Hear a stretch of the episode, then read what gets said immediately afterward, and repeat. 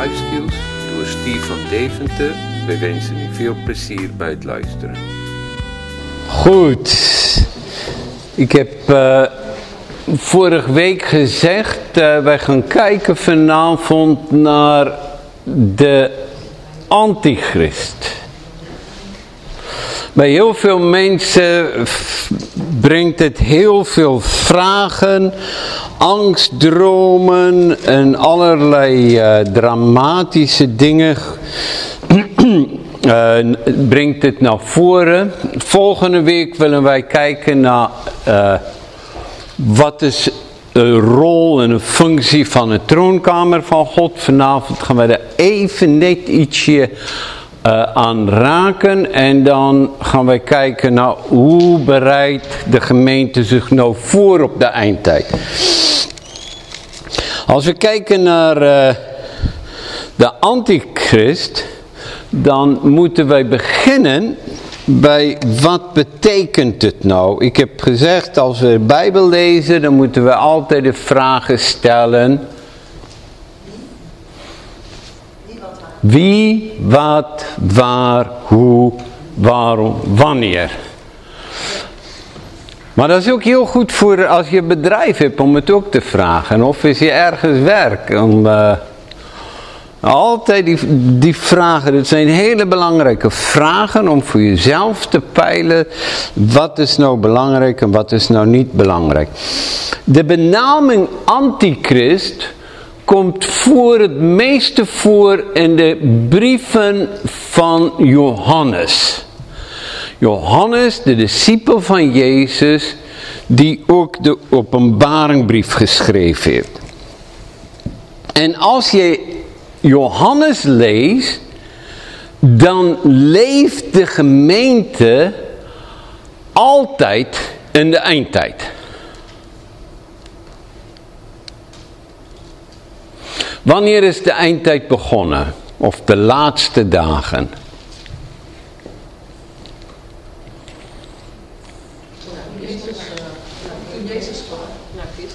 Met Pinksteren. Op Pinksteren werd de Heilige Geest uitgestort. Dat is de geboortedag van de kerk, zou je kunnen zeggen. En wanneer Petrus opstaat om te zeggen wat gebeurt er nu, dan haalt hij aan uit Joel hoofdstuk 3 en dan staat er in Handelingen 2 vers 38 en 39 en de laatste dagen zegt God zal hij van zijn geest uitstorten op alle vlees. Zo de laatste dagen is begonnen toen de kerk begon. Zo, ik heb eigenlijk, wij leven nu en de laatste van de laatste dagen wat ooit plaatsgevonden heeft. Dat was nog nooit een latere dag van de laatste dagen als vandaag. Ja, toch? Nou goed, wat wij lezen over de eindtijd betekent dan eigenlijk dat wij de eindtijd zijn ingegaan. Want Johannes schrijft het. Hij schreef, de geest van de antichrist is nu al reeds in de wereld. En dat schrijft hij in 1 Johannes, en dat zijn brieven, 1 Johannes hoofdstuk 2, vanaf vers 18. Ik wil het aan jullie voorlezen.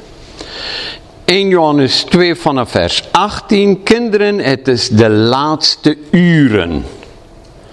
En gelijk je gehoord hebt dat er een antichrist komt, zijn er nu ook vele antichristen opgestaan. En daaraan onderkennen wij dat het de laatste uren is. En dan zegt hij een aantal dingen. Maar goed, voordat wij daarop ingaan, wat betekent nou, wat is de betekenis van de naam Antichrist? Anti is een Griekse voorzetsel en het betekent tegen. Wij krijgen een antivaccin. Wat bedoelen wij daarmee? Met andere woorden, het vormt antistoffen in je lichaam. Een hele wonderlijke verhaal, wat ik las als kind van Louis Pasteur. Wie kent Louis Pasteur? Hij was een hele toegewijde christen. Prachtige dagboeken bijgehouden. Hij heeft een... In zijn tijd was daar hondsdolheid. Of heb ik het verhaal al je verteld? Was hondsdolheid in zijn tijd en als bioloog en christen worstelde daar enorm. En was een weduwe in het dorp. Ze had één zoon. Uh, die was nog niet zo oud, was 12, 13 jaar oud. En die werd gebeten door een uh, eekhoorn die hondsdolheid had. En die jongen die lag ernstig ziek. En hij heeft net de ontdekkingen gedaan over hoe pasteurisatie melk kan vrijwaren van bacterie en hoe processen, hoe je bacterie kan doden. en hij besefte dat hij te maken had met de virus. En hij heeft heel ernstig gebeden. En de vrouw is bij hem gekomen, maar kan je me helpen? Toen zegt hij, ja, maar ik weet niet of dit wat ik kan doen, kan werken, of het je ooit kan helpen. En hij beschrijft dat hij op aandrang van de Heilige Geest, heeft hij vanuit de dode konijn, die gestorven is aan ons dolheid, heeft hij vanuit de bloedbaan, heeft hij spullen ontrokken. Hij heeft het gereinigd, niet hard gekookt, maar wel schoongemaakt en hij heeft het aan de jongen ingespoten.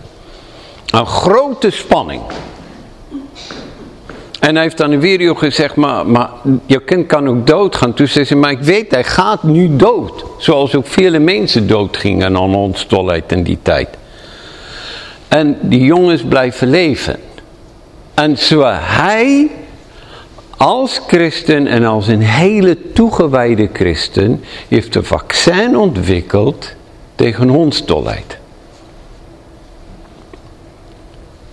En ik vind het een hele, hele wonderlijk verhaal. Ik las het toen ik 15, 16 was en, en zijn dagboek heeft diepe indruk op mij gemaakt.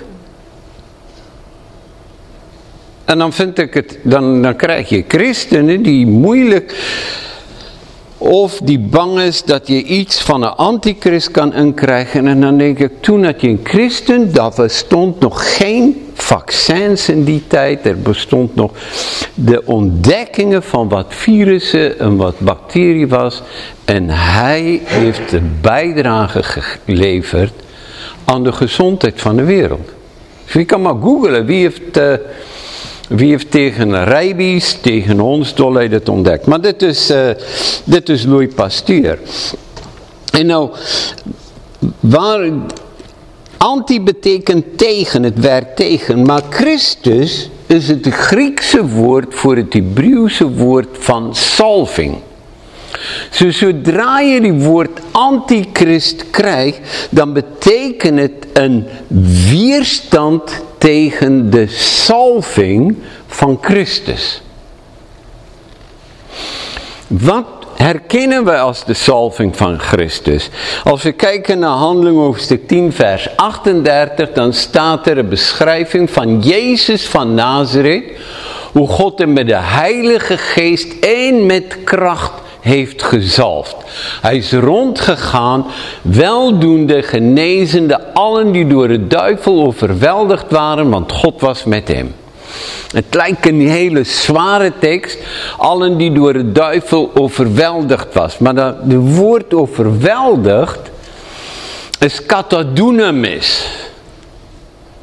Dunamis kennen wij, dat is het woord kracht, energie waar ook een woord dynamiet vandaan komt. Maar katadunamis betekent dat de mensen hun kracht dus eigenlijk onderdrukt. Mensen die door de Satan eigenlijk onderdrukt of van hun kracht beroofd zijn. En de salving van Jezus zet mensen vrij.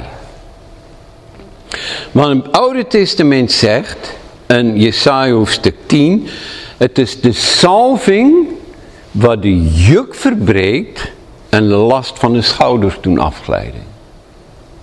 En het Oude Testament kon geen profeet of geen koning doen wat ze moesten doen. Ze moesten gezalfd worden. En de salving betekende dat de heilige geest over hen kwam en hem bekrachtigde en bekwaam maakte voor de functie. Zo lezen wij dit ook over het leven van David. Uh, en over koning Sa uh, Saul. Dat nadat ze gezalfd waren door uh, Samuel, kwam de heilige geest over hen en ze werden een ander mens. In het Nieuwe Testament komt de Heilige Geest en de Heilige Geest die rust ons toe, die komt binnen ons wonen om ons de wedergeboorte te geven en die komt over ons om ons toe te rusten met kracht. En daardoor mogen wij als kerk de werken doen van Jezus. De werken die God van tevoren bereid heeft. Dat wij daarin zouden wandelen. En daarom mogen wij zijn stem verstaan. En daarom mogen we getuigen. En daarom zet onze woorden, zet dingen vrij. Want het is door de kracht van de, van de Heilige Geest dat het gebeurt. En nou, wat nou zo belangrijk is hieraan. Is dat door de salving kunnen wij doen wat wij moeten doen. En daarom spreekt de Bijbel daar ook over zodra de tegengewerkt wordt. De salving van God tegengewerkt wordt.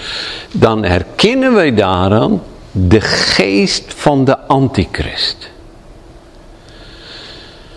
Want wat is Gods verlangen? Dat mensen gereed worden, dat ze bevrijd worden en dat ze een bestemming gaan wandelen.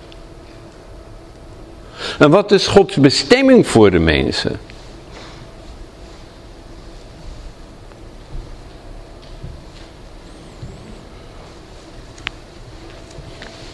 Om als Jezus te zijn? Om als Jezus te zijn, waarover zongen de engelen een, uh, een begin van openbaring? Een Waarover zongen de engelen? Ze zingen over het lam en zijn bloed heeft vrijgekocht uit elke volk, en stam, en taal en natie. Een? Een volk, een koninkrijk. Een koninkrijk van priesters voor onze God. En zij zullen als koningen heersen. Zo, dat is je bestemming. Zo, alles van de antichrist is daarop gericht om je te weerhouden om in je bestemming te wandelen.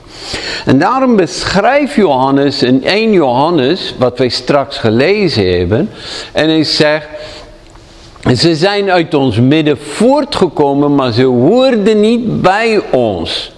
Want als zij werkelijk bij ons hadden gehoord, zouden zij bij ons gebleven zijn. Maar het moest aan het licht komen dat niemand van hen bij ons hoorde. Met andere woorden, wat hij zegt is mensen uit het midden van de christenen, van de gemeente, die keren zich tegen het geloof. En dan zegt hij, daar was iets fout. En dan is de vraag, waren ze werkelijk wedergeboren? Of deden ze mee? Als je kijkt, nou wie was de grootste tegenstanders van Paulus op zijn zendingreizen en bij zijn verkondigen? Of laten we beginnen bij Jezus. Wie waren de grootste tegenstanders? Hm? De fariziers. En wat waren de fariziers? Het waren mensen die geloofden in God. Die Gods woord lazen. Die Gods woord alles geloofden wat in het verleden gebeurde. maar niet zag dat Gods woord in hun eigen leven en in de toekomst spreekkracht heeft en levend is. En die verzeten zich tegen Jezus. Wie waren de grootste vijanden en tegenstanders van Paulus en zijn bediening? Welke joden dan? De fariseërs. En de steden die in de synagoge zaten. En die eigenlijk dat weerstond wat Paulus bracht. En die geest van fariseïsme, Jezus noemde het wees voorzichtig voor de zuurdeeg van de fariseeën. Wat is de kenmerk van de geest van de fariseïsme en van eigenlijk van de antichrist? Is dat ze, zij geloven de Bijbel van kaf tot kaft. Alles wat in het verleden gebeurd is. Maar zodra het gaat om wat God vandaag spreekt en vandaag doet en de wonderen voor vandaag, dan hebben ze enorme weerstand en hekel daartegen. Ben je al zulke mensen tegengekomen? En het lijkt alsof het eigenlijk een geest is die over ze komt, die je bestrijdt aan alle kanten. Wat de antichrist doet is die logent met de T, de zoon. En die logent de vader. En zo krijg je ook religieuze groeperingen in ons land. Die lopen stad en land af om te getuigen over God. Maar die erkennen niet de zoon. Dat hij werkelijk de zoon van God is. Dat hij werkelijk de redder van de mensheid is. Wat is dat dan volgens de Bijbel? Wie de zoon niet erkent, wie de zoon logent, logent ook de vader. De, apostel zegt daar is hele, hele belangrijk. Hij zegt, er bestaat geen grote leugenaar dan iemand die ontkent dat Jezus de Christus is. De antichrist is ieder die de vader en de zoon niet erkent. 1 Johannes 2 vers 22. Zo de geest van fariseïsme en de geest van de antichrist is al eeuwenlang bezig om te werken in de wereld. En het openbaart zich soms in hele felle vormen. Het was een, een, een tijd lang een Rooms-Katholieke kerk dat de Rooms-Katholieke kerk met de inquisitie heeft ze iedereen gedood en allen gedood die niet en wat zij dachten de rechte leer was, wandelden. En is daar scheiding gekomen tussen de Ooster-Orthodoxe kerk en de Rooms-Katholieke kerk. En ze hebben elkaar zo bevochten. En uh, ik heb verteld over de strijd in, uh, in Constantinopel. Toen die mensen daar aankwamen, toen zagen de christenen die daar zaten, die zagen de antichristen, de aanvallers van de kruistochten. En ze hadden gelijk. In Nederland gebeurde dit dat wanneer mensen niet lid was van de gereformeerde kerk en eigen vergaderingen hielden en eigen samenkomsten en boerderijen, dat ze vervolgd werden. Mensen werden gedood. Bij het ontstaan van de uh, statenvertaling die, die, die uh, met de synode van Dort werd de leer van de uitverkiezing aangenomen weet niet of jullie dat weten. Maar 250 predikanten moesten vluchten voor hun leven. Ze zijn gevlucht naar België. Ze mochten niet meer een Nederland predikantsfunctie vervullen. Ze konden, ze konden gedood worden en een man die voor optrad als advocaat, die een zaak zou pleiten namens al die predikanten die niet met de uitverkiezing lerende Bijbel eens waren, die zou verdedigd worden door een hele belangrijke Nederlandse persoon. En die werd veroordeeld, ten dode veroordeeld.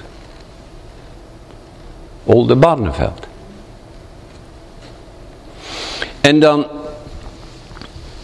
wat was daar gaande? Dit was een geest die eigenlijk maakte dat mensen tegen hun eigen keerden en verslinden. En dat is wat Paulus ook beschrijft. Hij zegt, wees voorzichtig. Want ze zijn verleiders en leugenaars. Daar begint leugen treedt op en de duivel is de vader van alle leugens. En handelingen zegt die grimmige wolven uit uw midden zal binnenkomen en de gemeente verschuren. En ik geloof dat het zo belangrijk is dat wij, dat wij dit gaan herkennen. En dat wij, dat bij alles gaan vragen, hier, waar gebeurt het? Die bewegingen die gaan door dingen heen en daarna dan zie je, ja, God gaat toch zijn gang. Maar om waakzaam te zijn, juist tegen die geest. En wat is de geest? Dit is de beleidenis dat Jezus 100% als mens op de wereld gekomen is. Er is maar één verlosser, schrijft Paulus aan Timotheus, tussen God en de mensen, de mens, Christus Jezus. En waarom is het zo belangrijk om dat te weten, om daar dat te beseffen, is omdat Jezus als mens heeft zijn goddelijkheid volledig afgelegd en hij is volledig 100% mens geworden. Hij heeft zichzelf ontledigd, zegt de Bijbel. En als mens heeft hij gestalte van een dienstknecht aangenomen. Hij is uit een mens geboren. Maria was niet een heilige. Ze was doodgewoon een jonge meisje. Die gezegd heeft, ja Heer, mij gebeurt het naar uw wil.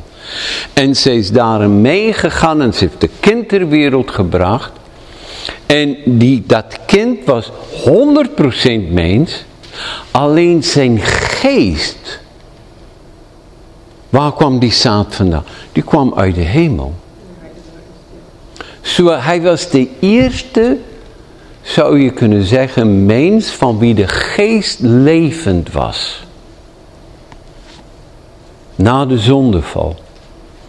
En iedereen die Jezus aanneemt, ontvangt wedergeboorte en zijn geest komt tot leven. Zo Jezus werd geboren, zoals Adam, drie-enig, geest, ziel en lichaam. En zijn geest was levend. En het is heel belangrijk om dat te begrijpen, want dat is ook waarom de duivel hem zo haat en ook mensen haten die, uh, die in hem geloven. En daarom zegt Johannes ook, de geest van God herkent u hier aan. Ieder geest die beleidt dat Jezus Christus als mens gekomen is, komt van God. Iedere geest die dit niet beleidt, komt niet van God. Dat is de geest van de antichrist. Waarvan u hebt gehoord dat hij zal komen, nu al is hij in de wereld. Dat schrijft Johannes toen. Zo, de antichrist is een, een, een geest die werkzaam is in de wereld.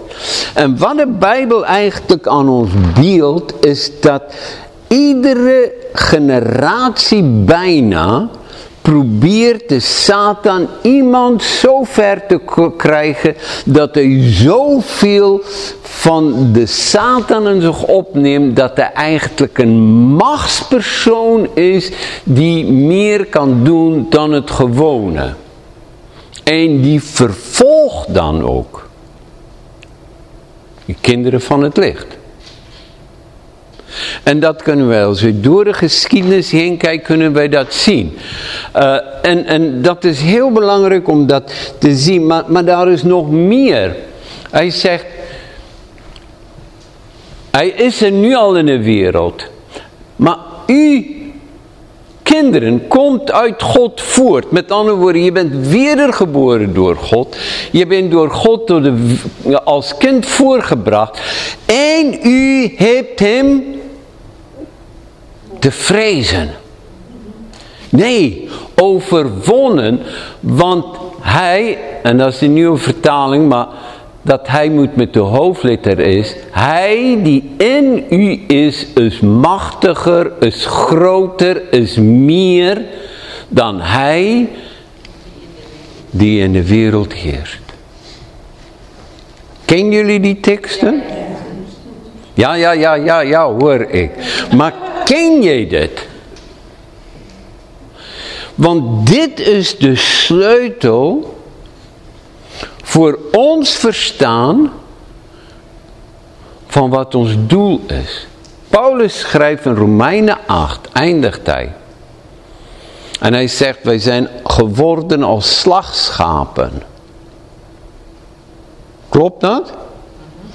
Hij zegt, maar in dit alles zijn wij meer dan overwinnaars Want wij weten dat nog hoogte, nog diepte, nog machten, nog overheden, nog enig ander kracht ons ooit kan scheiden, of enig ander schepsel ons ooit kan scheiden van de liefde van God, welke in Christus Jezus is. En dan vind ik het heel vreemd als, als mijn gewaarschuwd wordt om, je moet voorzichtig zijn, want weet je, daar komt een rijk en, en oh, dan kan je niets meer doen. En dan gaan de antichrist de wereld heersen. Maar, maar, maar, maar gelukkig kunnen we... Dat is niet ons boodschap. Nee. Wat is ons boodschap? Goeie nieuws. Jezus houdt van je. Hij heeft gezegd, ik laat je nooit alleen. Ik ben met je. Al de dagen tot aan de voleinding van de wereld.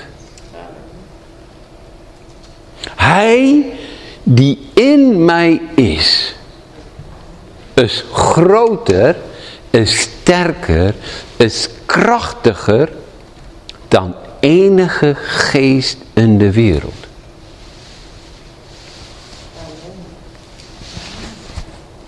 Zo, dit is de basis van ons geloof. Dit is de basis waarop Paulus geleefd heeft naar plekken toegegaan zijn. Dit is de, moet de basis zijn van alles wat wij doen. Geloof verbindt ons met God Geloof verbindt ons met de hemelse voorraden en kracht dat het beschikbaar is voor ons in dit leven. Wat is de tegenpool van geloof?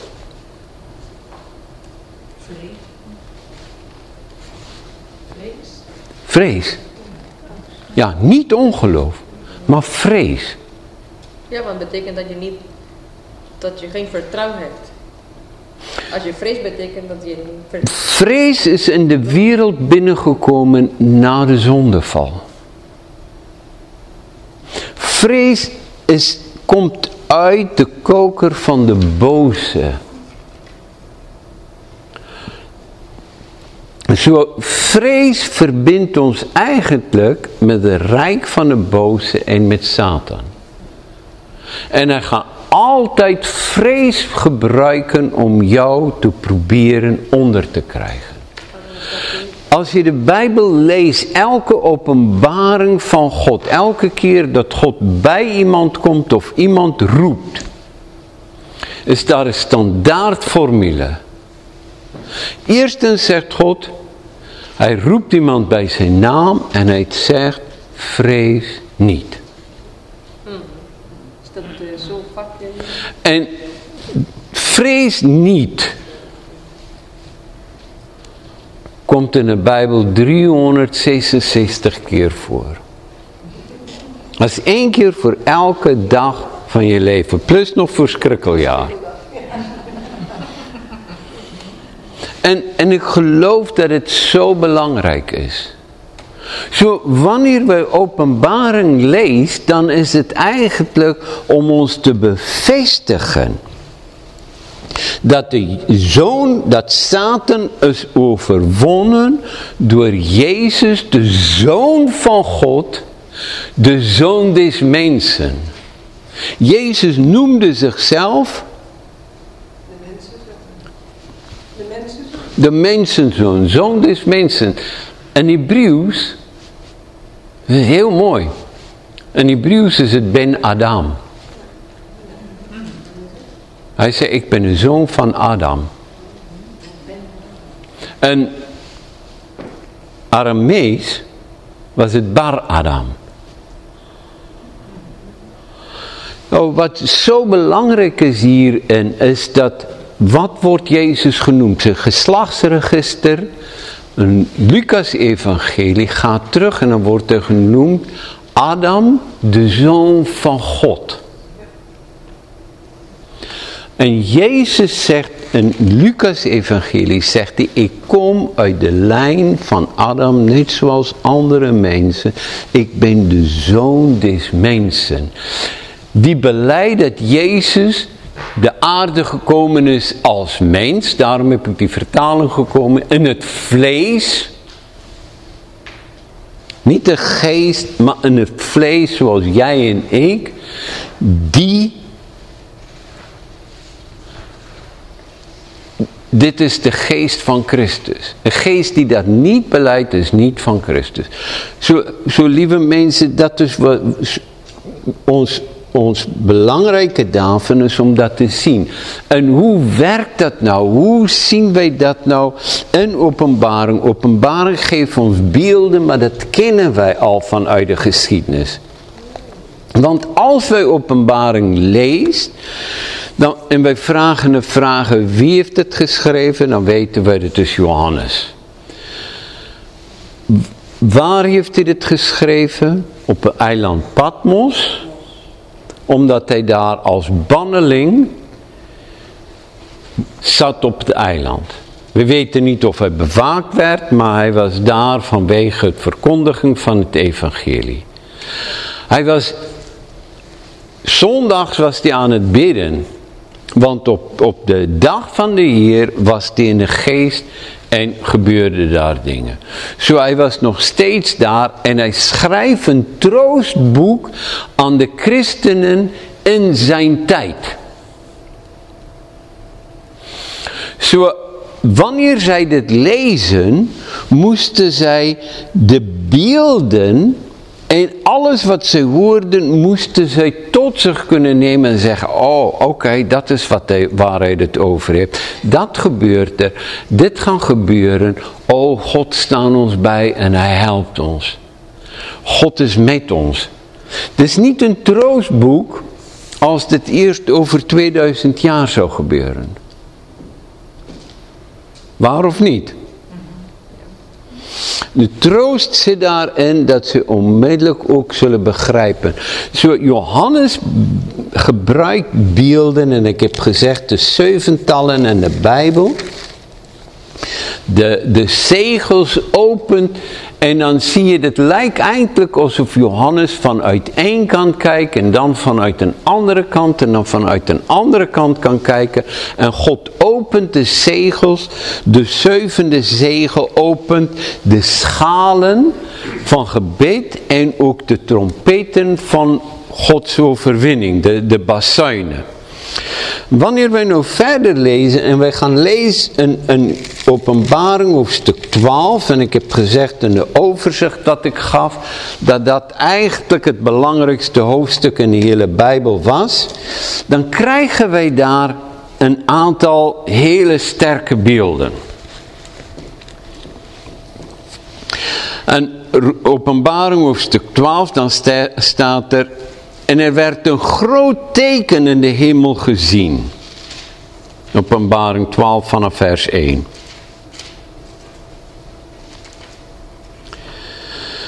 Een vrouw met de zon bekleed, met de maan onder haar voeten en een krans van twaalf sterren op haar hoofd. En zij was zwanger en schreeuwde haar weeën en haar pijn om te baren. En, en haar pijn om te baren. En dan is de vraag over wie hebben wij dit? Wat denk je als je dat nou leest?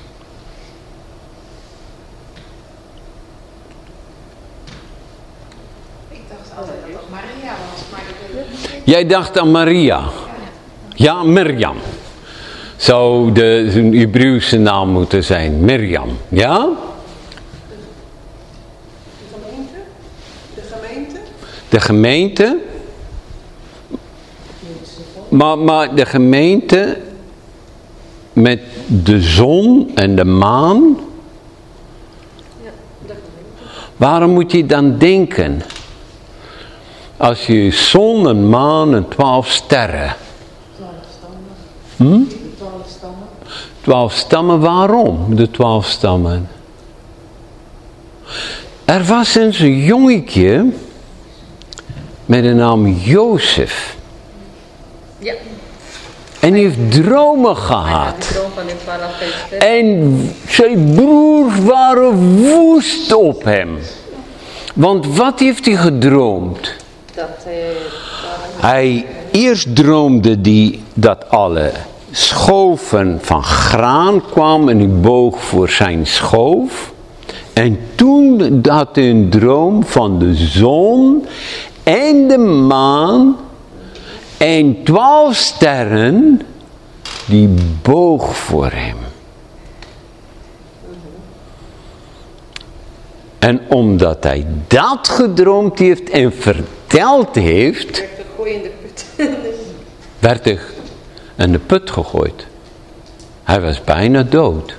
Ja. Hij werd gered uit de put.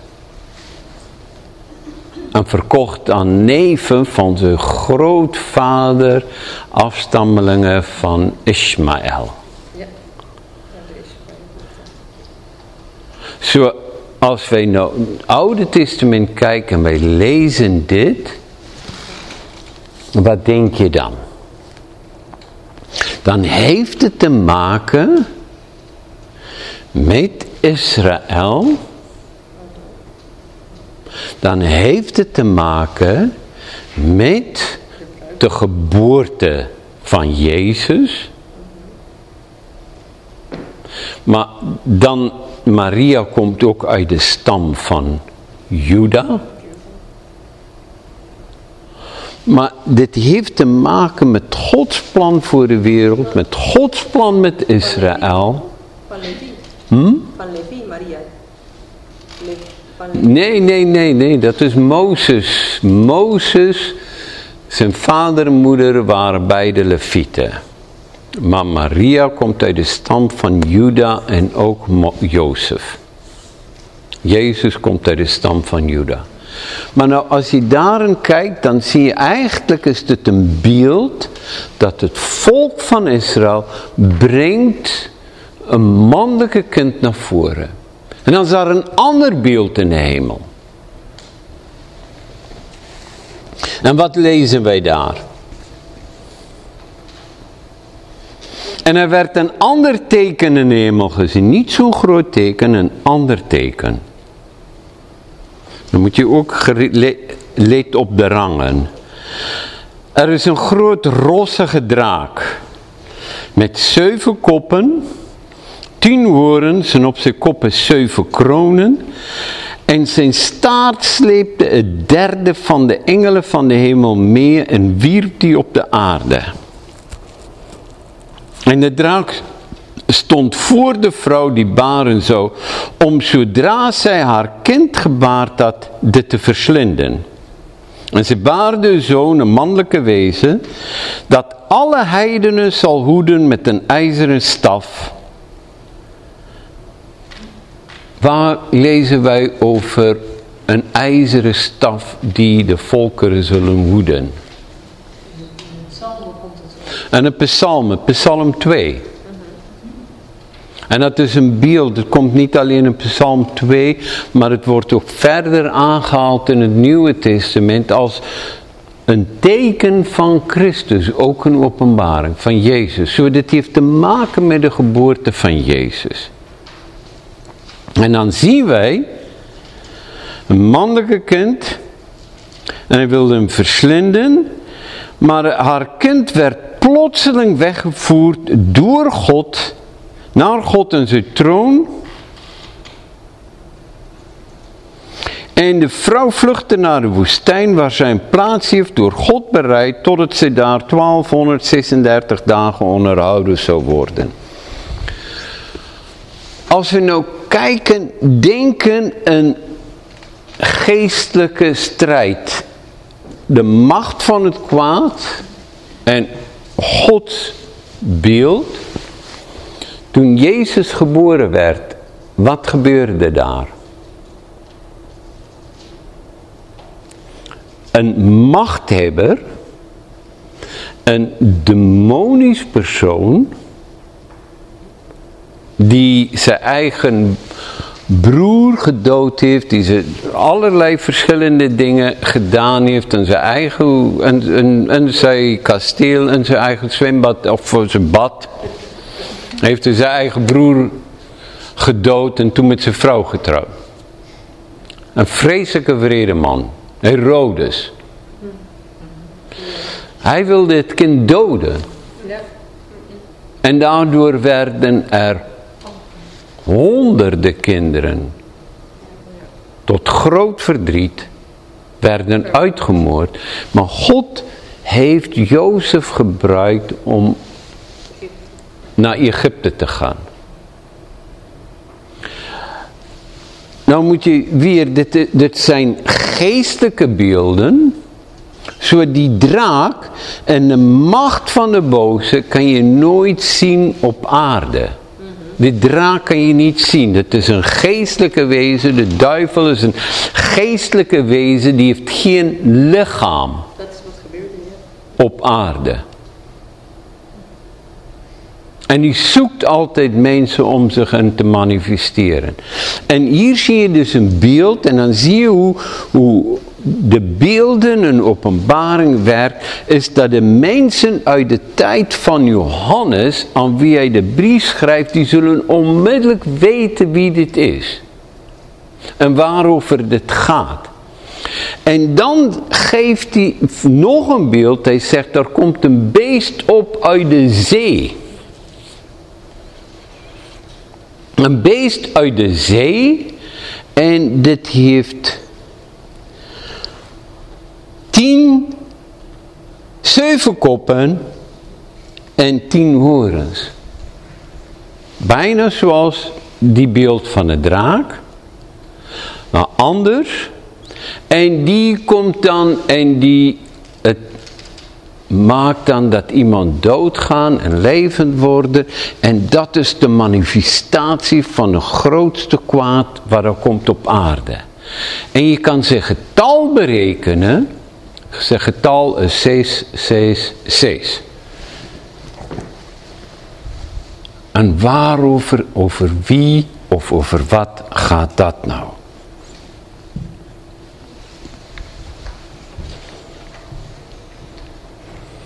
Wat denk je? Als we kijken naar die draak, dan, dan kunnen we een aantal dingen zien.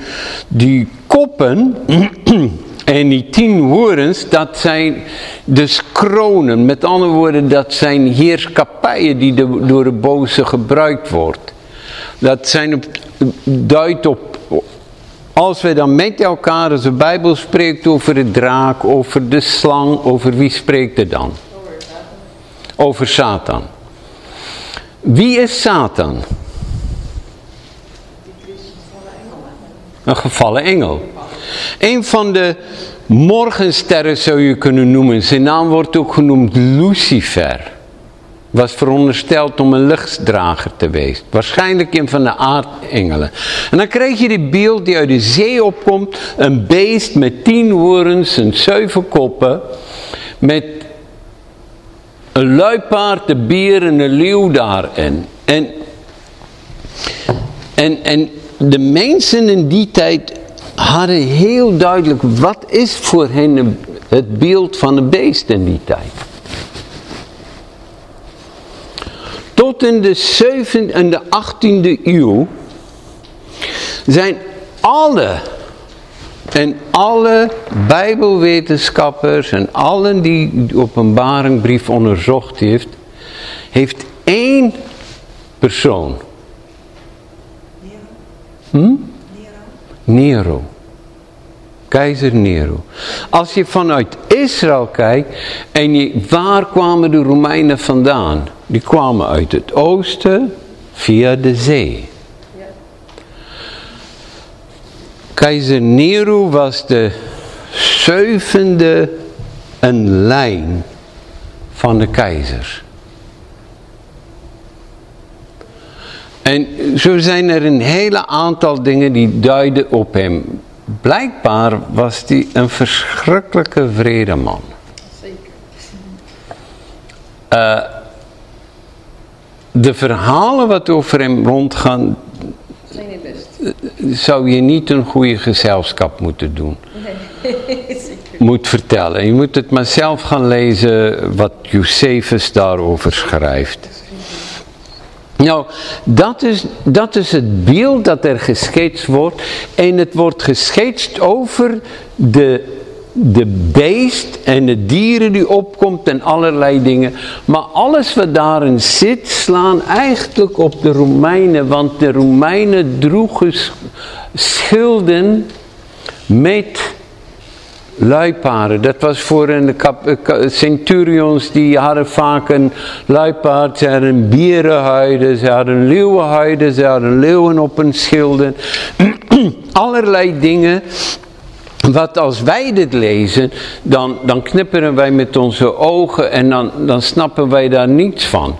Als ik aan mijn familie in Zuid-Afrika zeg, jong, beschuiten muisjes... Dan denken ze, oh, je moet rattigen in de kasten doen. want, want, want, dit is niet iets wat connect. Bij een Nederlandse begrip, als ik zeg beschuiten meisjes, dan denken we allemaal, oh, kind wordt, is geboren. en, en wat ik besef, hoe langer wij hier wonen, hoe meer missen wij. Want taal verandert gebruiken en begrippen veranderen. Maar de, de, de bijbelleraren tot het begin van onze eeuw, tot en met de op, tot in de 18e eeuw, die waren het unaniem eens. De nummer 666 duidt op Nero. En daar hebben ze ook allerlei dingen dat ze daarvoor berekend heeft. Dit is een eens door de boeken van uh, een aantal mensen zijn daar allerlei dingen bijgekomen. Maar als we dan denken over de rijk van het boze en over engelen en wat er is, dan moeten we dit zien, dit gedeelte is het belangrijkste gedeelte dat valt onder de zevende zegel. Is dit. Oh, sorry, verkeerde knopje gedrukt. Het is dit. Dit valt na de zevende bazuin daarna, ach, en daarna volgen de offerschalen. Dat is deel van Gods oordeel over de wereld. Dit is niet een boodschap voor de kerk. Oh jongens, nu moet je bang zijn daarvoor. Oh, nu moet je voorzichtig. Er komt een wereldheerskapij met één man die alles gaat besturen. Dit is niet wat de openbaring zegt. Het zegt wel, wij moeten wijs zijn en we moeten de tekenen zien wat de boze doen. Zoals we kijken naar de structuur in de hemelse gewesten, dan is er een zekere gezagsstructuur. Wij hebben God de Vader, de Zoon en de Heilige Geest als de hoogste gezag. Wij lezen in Genesis dat God sprak en zegt, laten wij mensen maken. Naar ons beeld en ons gelijkenis. Niet ik ga mensen maken naar mijn beeld en mijn gelijkenis, maar naar ons beeld en gelijkenis. God is het drie-enige wezen en zo heeft hij de mens, Adam, geschapen als een drie-enige wezen. Eva is geschapen als een drie-enige wezen. Wat bedoel ik daarbij? Is geest, want God is geest. Heb een ziel en woont in een lichaam. Het is heel belangrijk om dat te zien. Dan zie je in de hemel is daar een hemelstroonzaal, een plaats waar daar geregeerd wordt en van waaruit alles over de, wat er op de wereld gebeurt bestuurd wordt. En daar wordt genoemd Sirafs en Gerubs. En waarom zeggen wij daar zijn hemelse troonzaal? Is omdat er de mens, die paste daar oorspronkelijk in. Psalm 8 zegt, wat is de mens dat u hem geschapen heeft? Een weinig goddelijk heb u hem geschapen, boven de engelen. U doet hem heersen over alle werken van uw hand. Zo in die hemelse gewesten heb je Sirafs en Gerubs. Sirafs is, uh, is eigenlijk een beeld van dit wat een brand staan voor God. Vuur en vlam. Hij maakt zijn, zijn boodschappers vuurvlammen. Staat er in Hebreeën. Uh, so, daar is verschillende soorten engelen. Gerub zijn er rondom zijn troon. En Gerubs draagt ook de, de, de, de, de troon van God. Dat zien we ook als we zegen lezen. Ik weet niet of jullie dat gelezen hebben. Of je, nou, hij zag ze echt vliegen hoor. Ja. En, en, en hij, hij, hij zag het. God sprak met Mozes.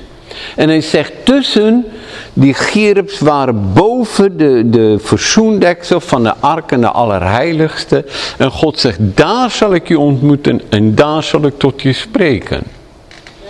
Zo, ik geloof dat het een beeld is van de hemelse troonzaal. En dan schrijft Paulus, wij hebben te maken met overheden, met machten, met wereldbeheersers, engelen en de hemelse gewesten. En hij beschrijft de negatieve daarvan, maar de positieve daarvan is dat de Bijbel spreekt steeds van de engelen hier scharen. En wat betekent dat? Het betekent engelenlegers. Als je de Message Bijbel leest, dan vertaalt hij steeds de Heere der legerscharen met God of the Angel Armies. En dat betekent, met andere woorden, je ziet ineens, zie je, in oude vertaling in Engels is the host of angels. Met andere woorden, je moet het zien als een hele volk van geestelijke wezens. Wie zijn nou de engelen? Hebreeën hoofdstuk 1 vers 14 zegt, zijn de engelen niet allen dienende geesten die uitgezonden worden ten dienste van hen die het heil zullen beërven. Met andere woorden, engelen zijn daar om ons te dienen. Het woord engel betekent boodschapper, dat betekent gezag, maar er wordt gesproken over elke kind die heeft een engel. En die engelen van de kinderen, die moeten dagelijks eigenlijk voor Gods aangezicht verschijnen. Ik, ik vind dat heel bijzonder. Het zegt in, in, in Hebreeën uh, 1 vers, vers 7 dat God maakt zijn engelen tot vuurvlammen. Zijn ze niet krachtig? Dan loopt mijn computertje vast. En van de engelen zegt hij, zij zijn engelen maken tot winden, zijn dienaars tot een vuurvlam. Maar van de zoon zegt hij, en dat is om de, de, verschil en gezag uit te beelden. Wat wij dan lezen in de Bijbel, en dat is iets wat ons begrippen, wat wij moeten aanpassen, is met andere woorden, God heeft ook een functie als rechter van hemel en aarde. Hij heeft de functie als koning van de ganse schepping. En heeft de functie als vader. En wat gebeurt dus in de kerk, gaan wij ons alleen vaak richten op één van die functies. En verliezen wij het geheel uit het oog. Ik ben zo dankbaar voor de boodschap van het vaderhart van God. Maar het boodschap van het vaderhart van God is voor ons om onze positie, onze securiteit van wie wij zijn als kind van God te ontdekken. Maar wat wij wel moeten gaan doen, is we moeten gaan staan in de functie die Hij voor ons heeft. En te weten, ik, ben niet, ik hoef niet iedere keer naar de Vader te rennen voor beschermen, of als er iets gebeurt, want groter is de geest die in mij is, dan de geest die in de wereld is. En wat wij lezen in de Bijbel, is dat daar ook momenten zijn dat de kabinet en het parlement van de hemel samenkomen. En dat alle zonen van God voor hem verschijnt. En dan lezen wij een Job. En dat de Satan onder de zonen van God kwam en hij klaagde Job aan. Wij lezen in Psalm 82. En ik wil dat je dit met mij gaat lezen, want het is heel belangrijk om dit te beseffen. Het woord dat voor God gebruikt wordt in de Bijbel is in het Oude Testament. En wat ook staat bij het scheppen van de mens is Elohim. En dat wordt meestal, dat is een meervoudsvorm. En dat wordt meestal vertaald met God. En Psalm 82. God staat in de vergadering van de goden.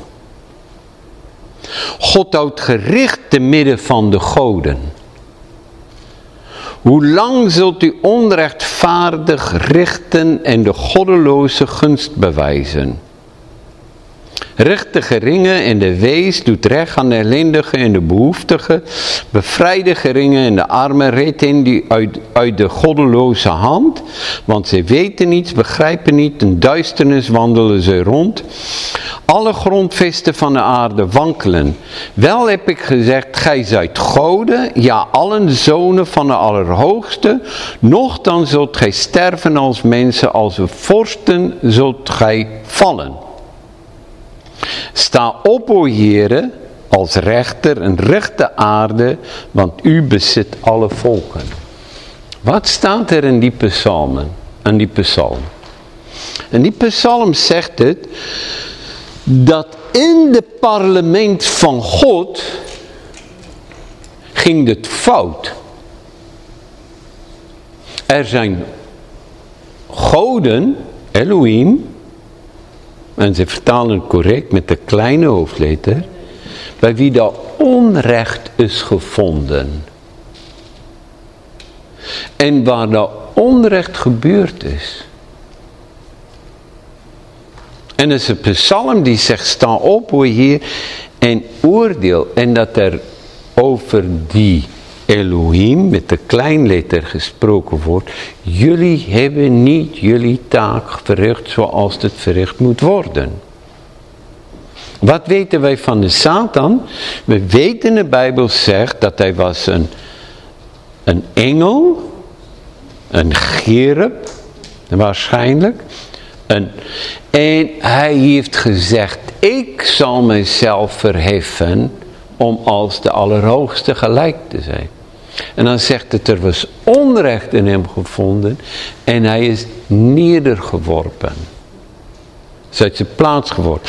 Het beeld van openbaring 12 zegt een derde van de engelen is met hem meegesleurd.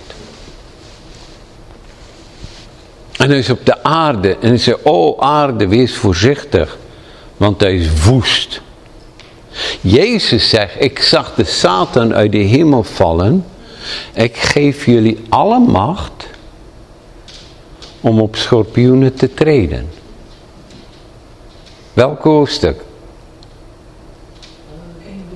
Lucas hoofdstuk 10, als we terugkomen, ja. En wat gebeurt daar, is dat hij zegt, neem je positie in. En vrees niet, want het goede nieuws is, twee derde van de engelen staan aan ons kant.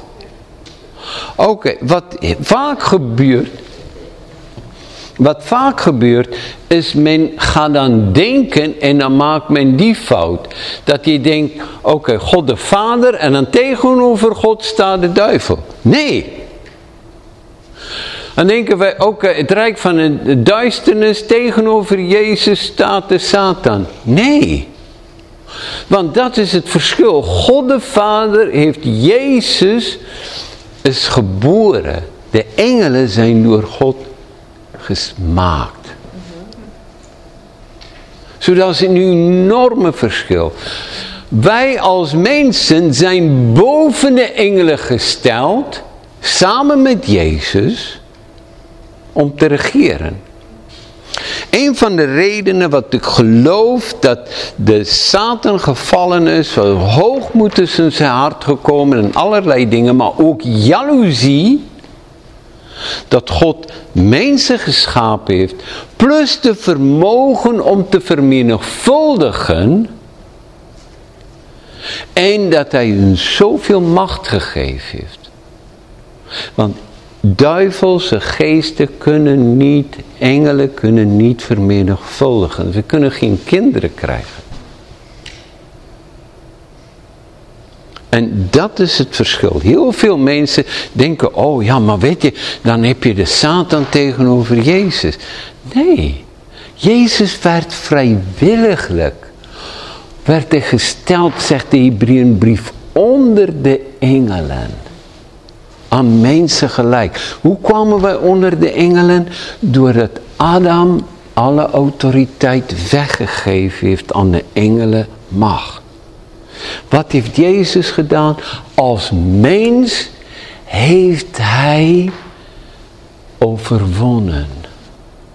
De dood en de dodenrijk van binnenuit heeft hij de macht van de Satan meegenomen en heeft gezegd, het is volbracht.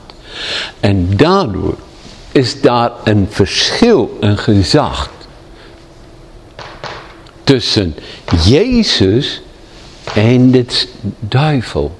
En tussen ons en de Satan. Zo, wanneer wij openbaringbrief lezen, dan lezen wij van die kosmische strijd. En wij zien de beelden. Is Israël een vrouw met de zon op haar hoofd, met maan onder haar voeten, twaalf sterrenkransen om haar hoofd? Nee, dat is een beeld. Dat is de apocalyptische beelden die iets wil weergeven. En dit is wat die duivel wordt weergegeven als een draak. Is dit een echte draak? Nee. Doet hij zich voor als een draak? Ja, maar hij doet zich voor als een leeuw. Hij gaat rond als een briesende leeuw, zoekende wie hij zal verslinden. Weerstaan hem een gebed en hij zal van u wegvluchten. Zo enige persoon die dan zoveel macht kan krijgen, en dat zagen wij in de geschiedenis, en ik geloof dat wij van die, die uh, figuren zagen in de geschiedenis, die verschrikkelijk veel macht hadden, die wel antichristelijke trekken toonden en als een antichrist in de wereld stond. Julius Caesar was er zo iemand. Nero was, was er ook zo iemand. Hitler was daar zo iemand. De Rooms-Katholieke Kerk was zo'n macht geweest. Maar wat is de boodschap van de Bijbel? Jongens, ze zullen komen, ze zullen gaan. Dat ze allerlei beperkende maatregelen zijn, altijd. Maar dat is één ding hoe je ze kan herkennen en daartegen moet je strijden. Eerstens is het belangrijk dat wij zien wat, eh, wat heb ik in jullie verteld over de Romeinse Rijk en dat alle, alle bijbelleraren dat zien. De opbouw van de macht ging altijd zoals in de tijd van Hitler. En wat gebeurt is als dit mogelijk is, ook de christenen, de kinderen van God eh, misleiden en meenemen. En daar is heel veel kerkelijke leiders die daarin meegegaan is. En er is ook heel veel mensen die nog steeds ook een blinde vlek heeft voor de plaats en de rol van God met Israël. Binnen de kerk. Jammer genoeg, maar dat is er. Als nog steeds een groot gedeelte van een kerk mensen die een blinde vlek hebben voor het werk van de Heilige Geest. En zodra er tekenen, wonderen of genezingen plaatsvinden, dan roepen ze allemaal, oh, dit is van de duivel. Ben je dit al tegengekomen? Zo, wat is nou ons verantwoordelijkheid? Ons verantwoordelijkheid is om voor die mensen te bidden. Ons verantwoordelijkheid is om de gedachte van ongehoorzaamheid gevangen te nemen een gehoorzaamheid aan Christus. En sommigen zelfs uit de vuur te reden door vrees. En, en ik geloof dat dat het allerbelangrijkste is wat we moeten doen. En hoe ging dit in de tijd van, van Hitler? Wat was het? Uitbreiding van regels, een vrijheid van godsdienstenbeperking, haat naar Israël en de Joden, haat naar de kerk. En dat zie je ineens gebeuren. Dat zie je op verschillende plekken. Zodra daar heel veel tegenstand komt over een veroordeling over Israël. Dan moet je rekenen en gaan bidden. Want dan weet je daar is het werk van de boze. En dan moet je echt voor bidden. Zeg ik dat, oh, Israël, de status, alles goed en de Joden. Nee. Helemaal niet. Maar ik weet wel, als, als persoon, eh, als bidder, moet ik bidden voor de vrede van Jeruzalem. Als bidder moet ik bidden voor Israël. Moet ik bidden voor de kerk moet ik bidden voor de wereldleider. Oké, maar dit heb ik allemaal ook gezegd. Wat is zag in de Rooms-Katholieke Kerk in de middeleeuwen precies hetzelfde. Maar, maar, als we nou kijken naar de geschiedenis, dan, dan ontdek ik ook iets dat te midden van al die machten die opkomt en alles wat, wat lijkt alsof dit door de boze geleid wordt. Ja. Ja. De volgende. Nee, ik ga de verkeerde kant op. God blijft in beheer. Als je nou kijkt naar de geschiedenis, dan zie je de Romeinse antichristelijke uh, regeerders. Wat deden ze? Ze konden heel goed wegen bouwen. Ze hebben een rechtsstelsel neergelegd waarop Ook beroep kon doen. Ik beroep me op keizer. Je mag niet iemand die Romein is geestelen. Je mag hem niet zomaar uh, gevangenis zitten. Dat is een hele goede wegen, hele goede infrastructuur. En Jezus werd geboren, wordt ge gebruikt, God gebruikte in de tijd van Augustus, in de volheid van de tijd, werd Christus geboren. En dan werden prachtige Romeinse wegen gebouwd over de hele bekende wereld van toen. En ze konden in no time kon het evangelie verspreiden over de prachtige Romeinse wegen. Ze eigenlijk hebben de machthebbers hebben allerlei dingen bedacht en ze hebben plannen gelegd en wegen gebouwd. En het evangelie kon over die wegen de wereld ingaan. Ik ga nog een voorbeeld noemen.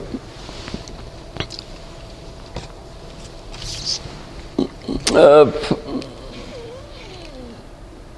ik heb het niet hier gezet. Ja. Uh, in de middeleeuwen was daar ook technologische doorbraak op de donkerste tijd van de kerk. Daar was al hier en daar waren er uh, bewegingen van Gods geest. Daar was al in die tijd, mensen hebben met een dood voor betaald. En toen werd de boekdrukkunst uitgevonden. En het was niet in de tijd van een reformatie. En ineens gebruikte God die technologie. En het ging de wereld van toen rond. Overal konden ze bijbels vinden, konden ze traktaten vinden. Het ging heel snel. En het evangelie werd daardoor verspreid in de wereld. Uh, ik vind het heel wonderlijk. En uh, in de 60er jaren, ik zag het, uh, de, ik weet het was precies in de tijd dat ik bezig was met mijn eindexamen van middelbare school. in 69 landen de eerste maan met Louis Armstrong op de maan small step for man, uh, one small step for man, a giant step for mankind. Prachtig. Maar weet je, dit heeft, die hele technologie bracht transistors naar voren. Transistorradio's die konden overal geplaatst werden en dat gaf leiding ook tot satellietzenders. En in landen waar het niet mogelijk was om het evangelie te verkondigen, kon daar door radio, door satellietzenders het evangelie verkondigd worden. Ik weet, uh, ik las heel veel boeken over zendelingen. Dat was, dat was een zendeling die werkte in China. En, uh, en die moesten daar weggaan vanwege de bokseropstanden. En, en hij, hij had een visioen, hij heeft het ook opgeschreven, ik heb het gelezen. En hij heeft gezegd, mensen vragen altijd maar als Christus dan wederkomt, hoe kunnen mensen het overal zien? En hij had een beeld. Hij zag mensen in China werken in de rijstpaddies en overal op het platteland. En ze hadden allemaal kleine spiegeltjes. En ze konden in die spiegeltjes, konden ze de wederkomst van Jezus live zien. En ik heb jarenlang gelopen met die... Uh, die vreemde profetie. Ja, wat voor spiegeltjes. Maar hij had een beeld en het was echt een, een, een begin vijftiger jaren van mensen die spiegeltjes hadden en ze konden overal tegelijk op de wereld konden ze de wederkomst van Jezus zien. En als ik nou vandaag naar kijk,